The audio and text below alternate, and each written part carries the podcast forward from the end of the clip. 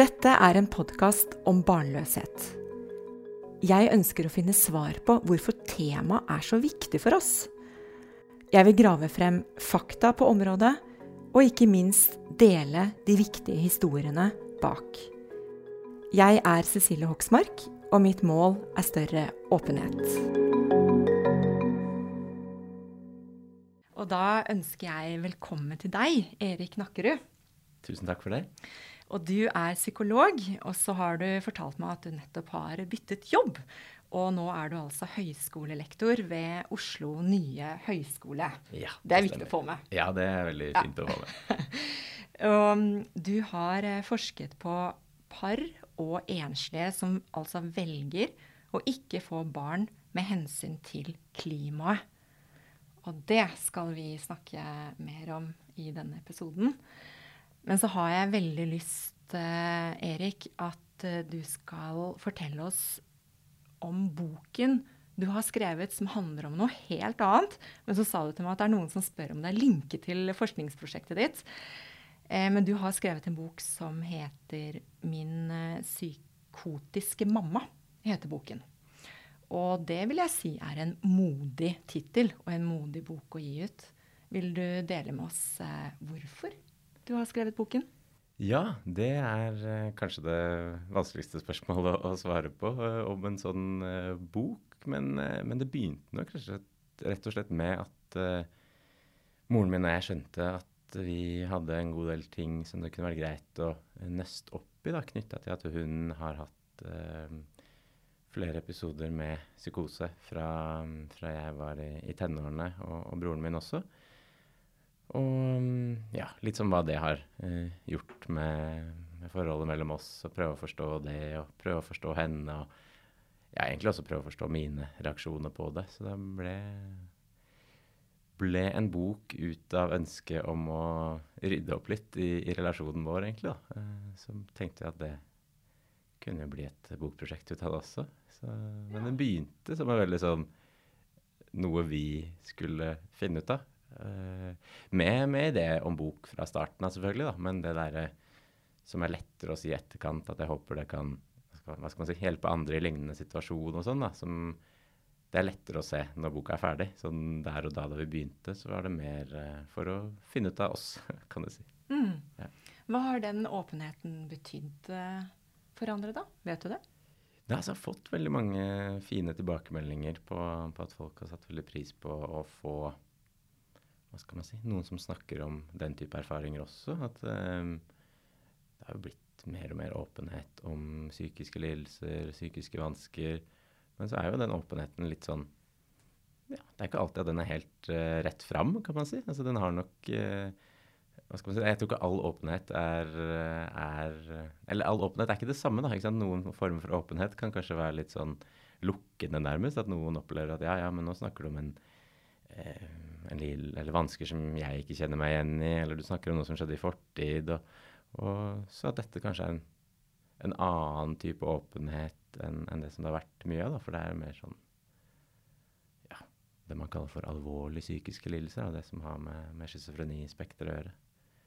Så det ja, det har vært veldig, veldig, fint på alle måter, egentlig, å få skrevet den boka. Og så er det eh, morsomt med, med det med å kalle det for modig. For det er jeg helt enig og syns jo selv at, at, vi har vært, og moren min også. Men hun kan da bli litt sånn at hun hun syns ikke det skal være modig. fordi da vi kaller det modig, så bekrefter man jo at det er et stigma. Eller at det er noe hun skulle skammet seg for, eller sånne ting. Da. Så hun uh, har litt sånn uh, nyansert syn på det, da, for å si det sånn. Som jeg, som jeg egentlig er enig i.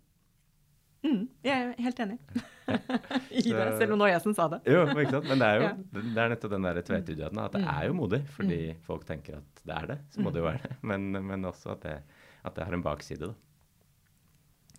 Så nå skal vi dykke ned i eh, denne artikkelen og forskningen som du har eh, gjort.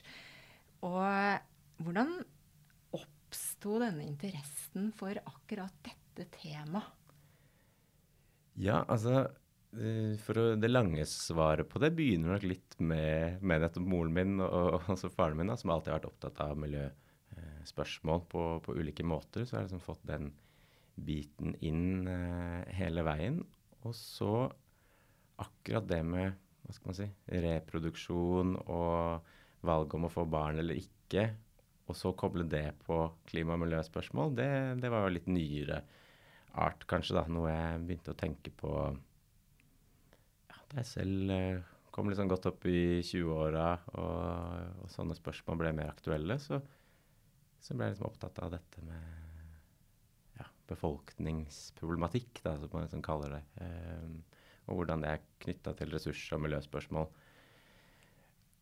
Og så dukket det litt sånn tilfeldig da opp en god del artikler om det i en periode hvor jeg var ferdig med å studere og, og kanskje lurte litt på om jeg skulle prøve å forske og komme meg inn i, i, i det løpet. Så da fikk jeg mulighet til å skrive en prosjektsøknad da, på, på, en doktorgradsstilling, og, og, valgte å skrive om dette med miljøbegrunnet barnefri. Litt fordi det var ikke, føltes så snodig på et vis. Eller, altså, det er jo et valg som åpenbart handler om veldig mye annet enn klima og miljø.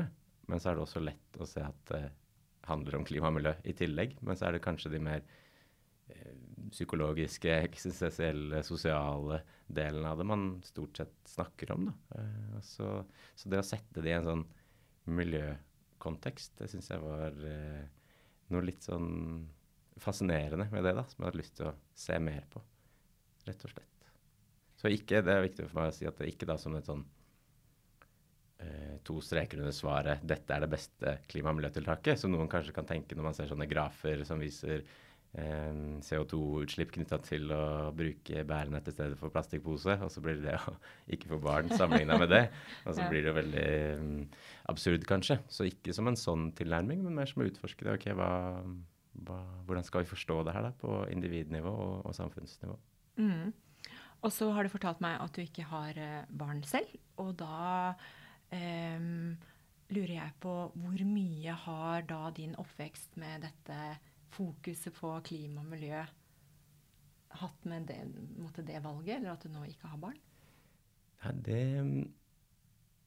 altså, Det har jeg lyst til å si ikke så, så, veldig mye sånn direkte, men kanskje indirekte gjennom at jeg da fikk lyst til å forske på, på disse tingene. Og så da særlig under transkriberingen av disse intervjuene jeg gjorde med folk som har tatt et sånt valg. at jeg satt der og hørte på, og så skal jeg skrive det ned i, i tekstform. Og da var jeg jo inne i det tankesettet veldig lenge, og sånn massivt. Og da kjente jeg at jeg ble veldig påvirka og tenkte sånn Ja, dette her eh, gir jo veldig mening. Jeg tror jaggu ikke jeg kan få barn noen gang selv.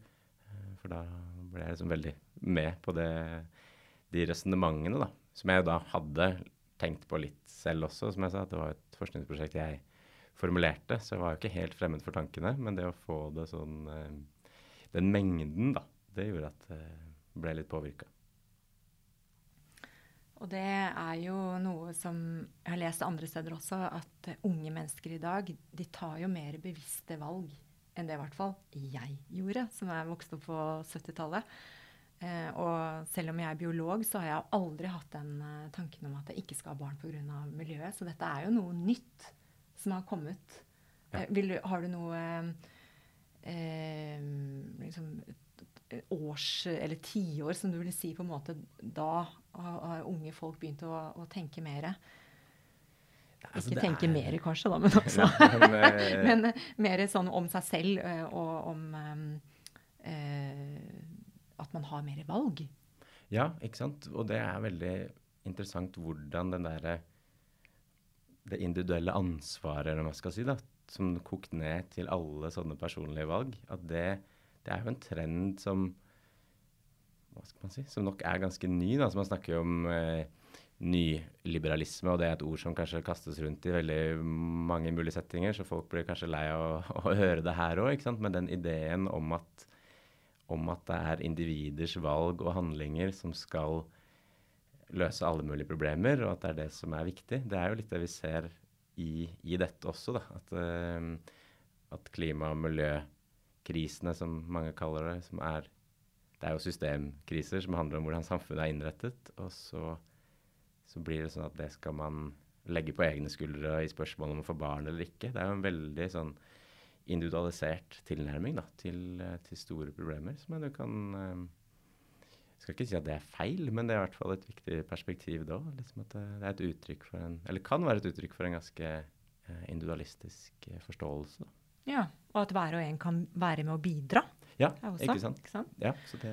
Eh, og så eh, når jeg leste artikkelen din, så stoppet jeg selvfølgelig opp ved disse CO2-ekvivalentene, hvor det var et regnskap da, Ja. som var ganske sånn brutalt på en måte. ikke sant? For hvordan kan man omsette Eller hva skal jeg si At barn går inn i et klimaregnskap. Men OK, så er det fair å, å gjøre det i denne sammenhengen, da. Um, nå husker du kanskje ikke tallene i hodet, men det var det som var spørsmålet til deg. da. Jo. Den forskjellen. Ja, altså Hvis ikke det- så har jeg artikkelen her. Ja, ja, nei, for det er jo det, altså Jeg tror det er årlig spart utslipp ved å ikke få barn er noe sånt som 56 eh, tonn CO2-ekvivalenter i året. Eh, og så er det neste på lista liksom et par et par kilo CO2-ekvivalenter. Så at det er liksom 20- eller 30-gangeren i, i årlige sparte utslipp. Sammenligna med f.eks. Eh, ikke å ha bil eller eh, spise vegetarisk og ikke fly og den type ting. Da. Så det Ja. slår liksom knockout på alle sånne andre individuelle valg. Da. Ja.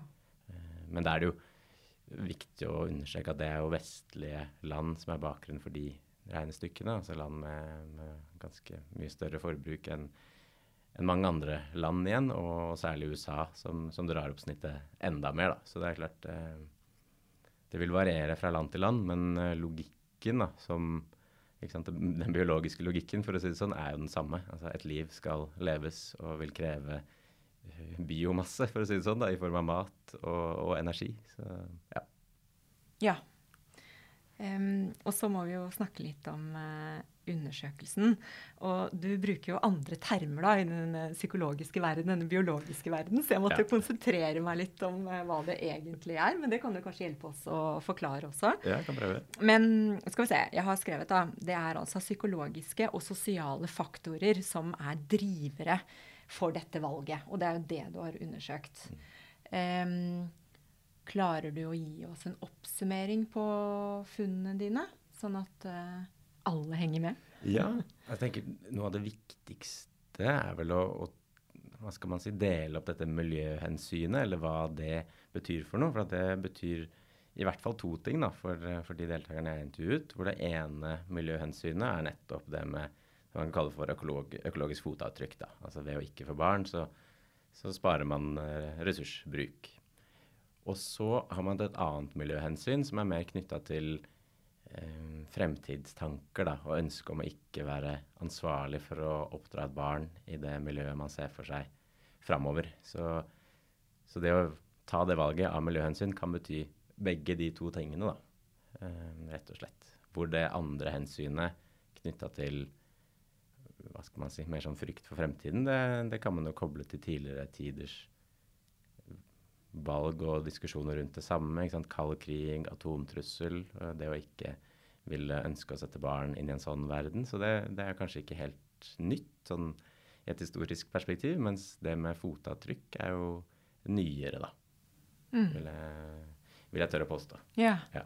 Og så har du intervjuet eh, både enslige og par. Ja. Og hvordan klarte du å få tak i de? Nei, det var rett og slett eh, sosiale medier som var den store hjelpen der. Altså. Jeg lurte Først tenkte jeg at jeg ikke gikk an sånn, da, som forsker å gå på sosiale medier, men det fikk jeg tommel opp på. Altså, så lenge folk selv skal ta kontakt, om det er noe de føler treffer dem, så, så var det helt greit å, å legge ut invitasjonen. Da. Så da ble det spredt rundt i, eh, i ulike grupper og sånn, så da fikk jeg heldigvis 20 personer til slutt da, til å stille opp. Ja. Og hva, hva forteller disse 20 personene deg? Nei, altså det var det med hva de legger i miljøhensyn, selvfølgelig. Men også en annen viktig ting er dette med at de aller fleste var opptatt av at de også har andre grunner for å velge å ikke få barn. da. Så, så for mange tror jeg det blir riktig å si at miljøhensynet blir som en spiker i kista, eller ja, liksom tungen på vektskåla. De har vært litt usikre kanskje eh, på dette valget lenge.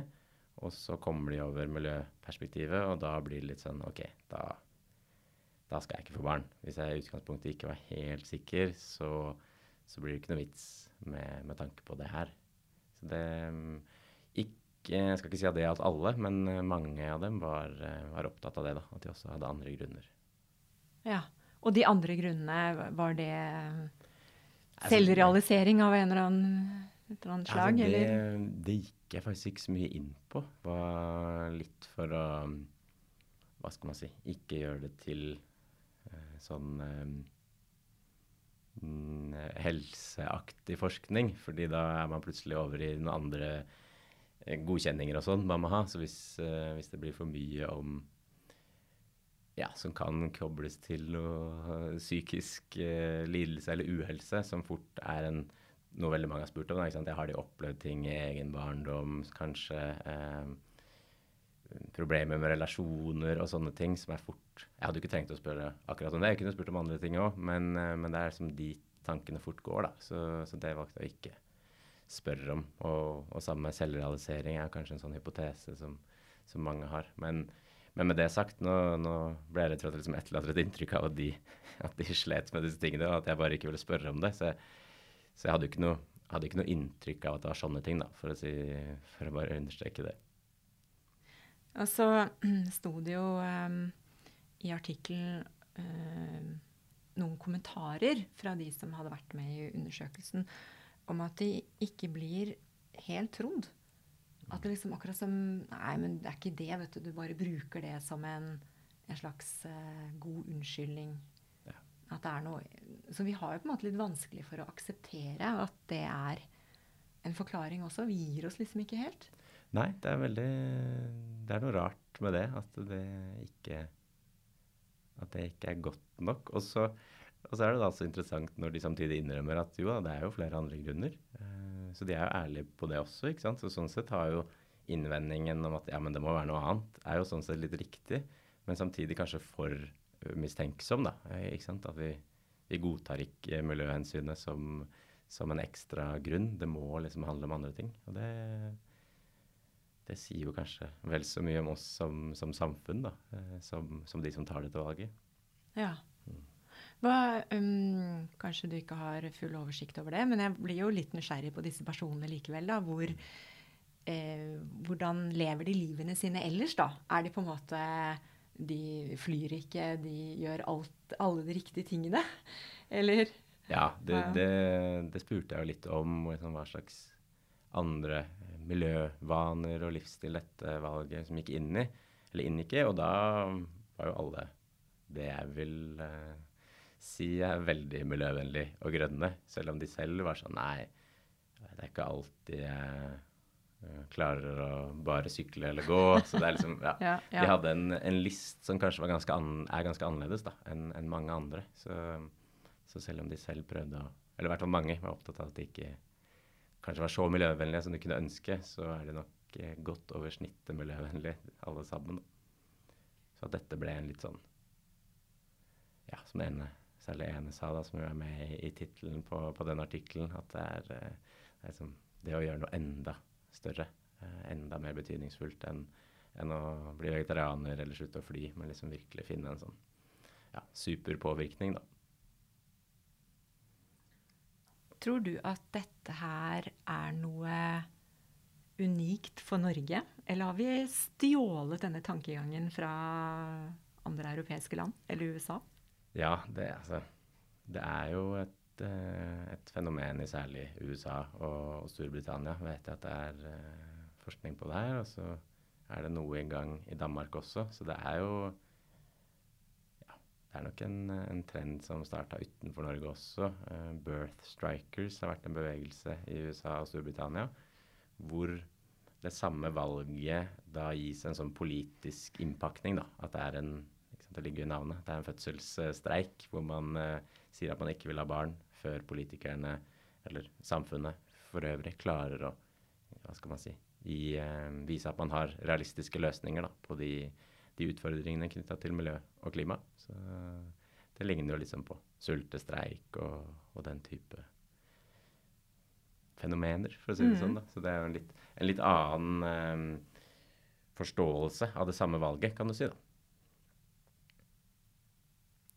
Og altså, det var en ting jeg hadde lyst til å si knytta til um, hva slags liv og miljøvaner det inngår i for, for de jeg har snakket med. Og et annet viktig funn der var det en av dem kalte for omsorgsoverskudd. Altså at når man ikke, altså velger å ikke få egne barn, så er det sånn behov der for å gi omsorg likevel. Da. Man har lyst til å bety noe for noen utover jobb eller de, hva skal man si, de vanlige relasjonene. Men rett og slett eh, har et sånt behov for å gi av, av overskuddet sitt. Og da var det liksom det å være en bonustante, bonusonkel for, for, venners barn, eller ekstra til stede som ordinær onkel, holdt jeg på å si, ordinær tante. Um, og også det å være veldig opptatt av dyr var viktig for mange av dem. Så det å finne andre måter å, å vise omsorg på, da, eller få, få, ut omsorgen, rett og slett. Så det var også noe jeg syns var fascinerende, som liksom også gir noen ideer litt sånn større da, om eh, andre måter å tenke familie og tilhørighet på. Hvis, ok, Si at vi, vi liksom fant ut da, som samfunn at uh, vi bør egentlig være litt færre folk med tanke på de eh, tiårene som vi har foran oss. Hva, hvordan kunne vi da løst det? ikke sant? Det blir jo masse problemer selvfølgelig hvis vi får færre folk. Man, liksom det, denne demografiske utviklingen, da, hvis vi får en sånn opp-ned-pyramide hvor det er masse gamlinger og veldig få unge. Eldrebølgen er det jo masse snakk om allerede. Så hvis vi får den, en forlenget eldrebølge da, ved at folk ikke får barn, så er jo det ja, noen åpenbare utfordringer knytta til det. Men da da gir jo de perspektivene da, om, om, andre måter å være familie på, eller andre måter å vise omsorg på, gir noen sånne ideer om hvordan det kan fungere. At uh, ja, man kan uh, si, dele på omsorgen for barn på andre måter, ikke sant. Og ja, trenger alle ha to barn, eller ja, ikke sant. Mange, mange veier inn. Mm. Et mer uh åpent fellesskap som ikke var så veldig hver og en familie. Ja, ikke sant. At uh, det er nok den type litt sånn alternative familie- og, og nærmiljøstrukturer som, som, noen av de var uh, opptatt av. Da. Tror du det kommer til å skje? Altså Vi er jo ganske tradisjonelle i, i Norge, da. Så, når det kommer til familie. Altså, vi er jo hva man kaller det for et sånn pronatalistisk samfunn. Det norske har det blitt beskrevet i, i, forskningen på der. At det er veldig mye legges til rette for, uh, for fødsler og, familieliv. Da. Både fra velferdsstatens side, men også i hvordan ja, normene våre og, og tanker om, uh, om, hvordan livet skal være. Da. Det er veldig sånn etableringskjør for, for mange. Ja. Tror du det også påvirker at folk ikke helt tror på når man sier at man velger å ikke få barn, når alt er så tilrettelagt? Ja, jeg tror kanskje det. altså. At det ses på som et slags normbrudd, rett og slett. At det blir vanskelig å, å tro på, ja. Sånn, eh, ja. For det er, så, det er, så, annerledes enn fra det veldig mange velger. Ja. ja. Tror du også at det kan provosere noen? At man sier at man ikke velger å få barn fordi Eller pga. klima, som vi alle er en del av? Ja, det, det, tror jeg definitivt. Altså. Og det var flere av de opptatt av også. At det var noe de rett og slett ikke ville snakke om noe særlig, fordi de opplevde at det ble veldig ugreit. At uh, selv om de ville ta det opp som, som noe de tenkte på og lurte på om de skulle velge selv, så ble det veldig fort oppfatta som en anklage om at, om at den de snakket med da, sitter der med sine to barn og liksom Og bil. Og bil, ikke sant. Ja. Er det, er det liksom en pekefinger mot mitt liv, eller eller ja hva, hva, er det du prøver å si, liksom? Og det, sånn er det nok med veldig mye klima- og miljøting, har jeg inntrykk av. At uh, det å gjøre uh, miljøvennlige ting fort blir oppfatta som en sånn indirekte anklage mot de som ikke gjør det. Um, ja, jeg har liksom vært bytta mellom å være vegetarianer eller fleksitarianer selv. og og merker jo det samme, at folk er veldig opptatt av maten min på en litt sånn ja, en, eh, en litt sånn uh, defensiv måte, da. ikke sant? At det var ja, men er det, er det noe gærent i at jeg da spiser kjøtt? Ja. Eller, ikke sant? Nei, men nei, det er ikke det. Det er bare at jeg har valgt å spise det her. Så det er, mm. ikke, det er ikke, en moralsk dom over deg i det. Um, og det tror jeg nok flere av deltakerne um, kunne kjenne seg igjen i på samme måte. At hvis de snakket om miljøperspektivet når det kommer til det å få barn, så ble det litt sånn Å ja, så jeg har gjort noe gærent, da. Ja. Ja. Men de som eh, vokser opp i dag, og som eh, skal vi si er ungdommer og unge voksne, har de en mer, liksom, større bevissthet om livet? Og er de mer tolerante for andre sine valg? Altså, det er sånn som det er veldig fristende å, svare ja på umiddelbart, tenker jeg. Altså, det er liksom det inntrykket man får, at, uh, at, det er de unge som er ja, samfunnsbevisste og veldig opptatt av den, den kloden og det samfunnet de, de arver fra, fra, eldre generasjoner. Så, så, ser man jo samtidig at f.eks. klimaendringer og, og, miljøspørsmål, så er det jo en, en alderseffekt der i hva befolkningen tenker om det her, men samtidig er den kanskje ikke så stor som man uh, får inntrykk av. Så, så det er uh, kanskje litt mer forbehold i, i ja mitt, men jeg, jeg, tror jo definitivt det, altså. At de er mer uh, bevisste på mange ting, og som du sier, kanskje også mer tolerante, da. At det er mange måter å, å leve livene på, og som var innom disse ulike måtene å tenke familie og tilhørighet på. ikke sant? Ja. ja. Som vi også kan kanskje ta med oss videre. Ja. ja. Tusen takk, Erik, for at du stilte opp. Takk for invitasjonen.